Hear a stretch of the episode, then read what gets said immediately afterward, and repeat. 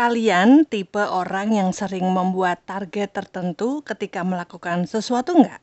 Misalnya nih, saya akan melanjutkan channel YouTube atau channel apalah gitu jika saya berhasil mengumpulkan sekian subscriber. Dan itu harus dilakukan dalam kurun waktu tertentu. Tapi ternyata tidak sesuai ekspektasi. Gimana? Mau lanjut atau berhenti? Ngomong-ngomong tentang target, ada rekomendasi drama nih yang rasanya bakal mengajak kalian untuk menjadi realistis dengan target-target yang sudah pernah kita punya. Stay tune ya.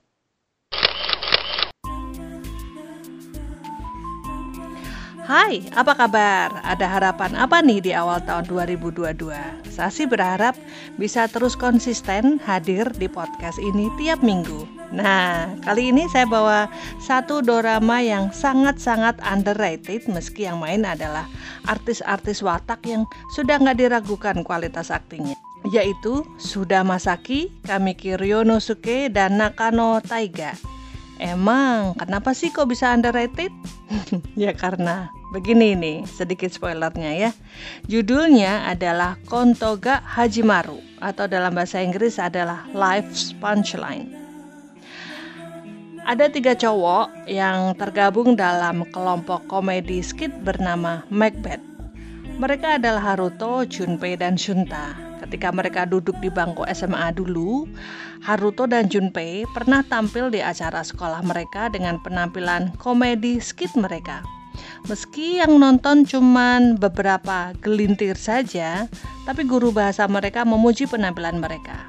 Dan ini yang kemudian membuat duo Haruto dan Junpei ingin serius dalam mengejar karir impian mereka menjadi grup komedi populer. Shunta, si mantan juara nasional GIM, bergabung bersama mereka ketika umur kelompok komedi mereka 5 tahun. Nah, ketika umur kelompok komedi mereka beranjak ke 10 tahun, mereka mulai menanyakan berapa lama lagi kelompok mereka ini bakal berlangsung. Dengan kenyataan, mereka tidak kunjung populer. Seorang manajer yang secara sukarela menjadi manajer mereka berupaya agar mereka tidak bubar meski ya ia sepertinya tahu mengakui bahwa grup mereka ini seperti nggak punya harapan yang menjanjikan. Janji pada orang tua masing-masing yang mengizinkan mereka berada di panggung komedi ini hanya berlaku selama 10 tahun saja. Belum lagi Junpei yang merasa kurang nyaman dengan pacarnya yang sudah bekerja penuh waktu, sementara ia sendiri masih luntang-luntung dengan kelompok komedi dan bekerja paruh waktu di sebuah bar. Haruto juga terikat janji pada orang tuanya selama 10 tahun ini. Shunta adalah satu-satunya anggota yang bebas.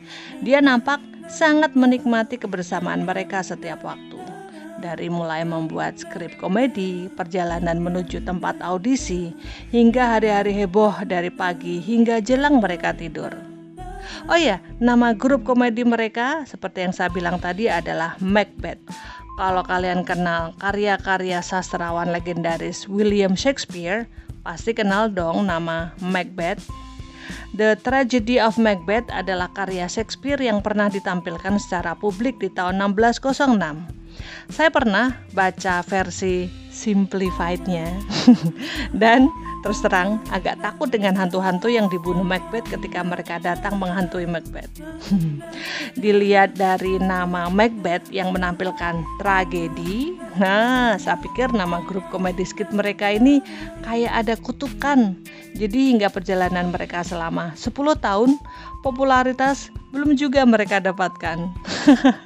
Ini sih asumsi sotoy saya aja ya. Hmm, meski Macbeth kurang laku, bukan berarti mereka nggak punya penggemar. Ada Nakahama Sang, gadis yang baru saja mengundurkan diri dari pekerjaannya, entah bagaimana menemukan grup komedi ini. Sebelum bertemu secara langsung, Nakahama Sang ini sudah menyukai Macbeth. Ditambah lagi, ternyata para anggota Macbeth ini sering menghabiskan waktu di restoran tempat ia bekerja. Ketiganya sering mendiskusikan naskah komedi mereka selama berjam-jam di restoran tersebut. Dan ternyata ketiganya tinggal tidak jauh dari apartemen Nakaha Masang. Ketika satu hari apartemen tempat anggota Macbeth ini ada ruang kosong, ha, Nakaha Masang tidak segan-segan pindah demi melihat grup kesayangannya lebih dekat. Nakaha Masang ini seperti terobsesi dengan Macbeth ya. Melihat para anggota Macbeth dan menonton penampilan komedi mereka menjadi semacam obat bagi Nakaha Masang yang tengah kehilangan kendali setelah melepas pekerjaan tetapnya. Macbeth menjadi oasenya di tengah kehampaan yang ia rasakan. Karena itulah ketika yang mendengar Macbeth bakal bubar karena popularitas yang tak kunjung datang, membuatnya sedikit terpuruk. Yang menarik dari drama ini adalah melihat perkembangan para karakternya dari setiap episode. Di awal terlihat betapa idealisnya para anggota Macbeth dengan komedi skit mereka. Hingga akhirnya mereka menyadari bahwa hidup tidak akan sama seperti 10 tahun terakhir atau 10 tahun yang akan datang. Demikian juga dengan Nakaha Masang bersama adiknya Sumugi mereka mengalami masa-masa hubungan adik kakak yang naik turun, masa-masa di mana menyadari apa yang membuat mereka akhirnya berubah.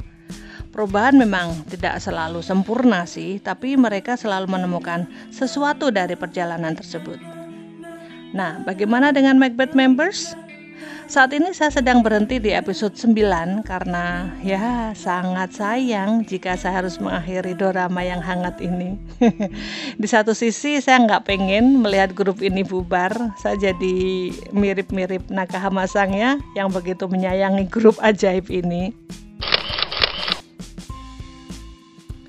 Oh ya, saya tadi sempat bilang kalau drama ini underrated banget Ya, karena gaungnya nyaris nggak ada selama drama ini sedang ongoing. Episode yang saya tonton waktu itu sempat terabaikan subtitlenya, padahal yang paling menarik dari ini adalah obrolan para karakternya. Mereka bisa mengenang masa-masa sekolah mereka sambil menertawakan kejadian konyol yang mereka lalui bersama, atau mengenang kepahitan yang mereka alami demi melepaskan beban yang selama ini menggayuti mereka. Melihat mereka saling ejek atau mengingatkan hal-hal memalukan itu, para karakternya seperti ngobrol secara natural. Sama sekali nggak kelihatan jika mereka sedang akting. Masalah remeh-temeh bisa jadi menarik ketika mereka membicarakannya. Hal lain yang mungkin membuat dorama ini kurang populer karena genre slice of life-nya yang sedikit sekali memasukkan unsur romance. Kenyataan pahit yang dialami para karakter itu yang menjadikan judul drama ini dalam bahasa Inggris adalah Life Punchline. Siapa sih orang yang suka menonton kenyataan yang sangat mengena di kehidupan mereka? Rata-rata orang nonton drama ingin menonton yang manis-manis karena mereka sudah lelah dengan kenyataan hidup. Lah, drama ini mengingatkan bahwa hidup itu ada masanya berasa pahit atau berasa pahit terus ya. Makanya pengen lihat tontonan yang menjual mimpi. Kalau buat saya tontonan begini emang berasa agak kering sih karena nggak ada rasa deg-degan yang dirasakan cowok cewek seperti di drama romance kebanyakan atau deg-degan seperti apa yang terjadi dalam cerita-cerita thriller. Tapi itu nggak jadi masalah sih dan membuat saya mundur dari nonton drama ini. Satu hal yang saya tunggu di tiap episode adalah penampilan Macbeth di panggung. Ada kalanya mereka menampilkan naskah berdasarkan pengalaman mereka sendiri, atau orang-orang terdekat mereka, atau naskah yang menyindir orang-orang sekitar. Yang jelas, penampilan mereka yang maksimal adalah hal yang paling saya tunggu di tiap episode kostum yang ajaib itu hal lain yang menarik dan menghibur buat saya. Shunta bisa jadi peri air cantik atau pemuda rasta yang naksir anak perempuan dari bapak-bapak yang kolot. Junpei bisa berubah menjadi istri yang manja. Padahal dia punya kumis dan jenggot tipis di wajahnya. Lupakan sejenak ya. Atau bapak-bapak kolot dengan kimononya Haruto bisa menjelma menjadi salesman dengan rambut klimis atau pembawa acara berkacamata tebal.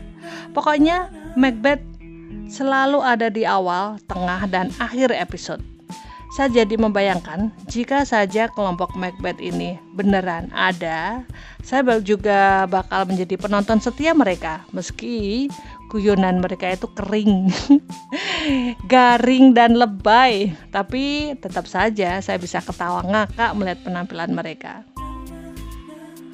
Untuk para aktor aktrisnya, jangan tanyakan kualitas mereka.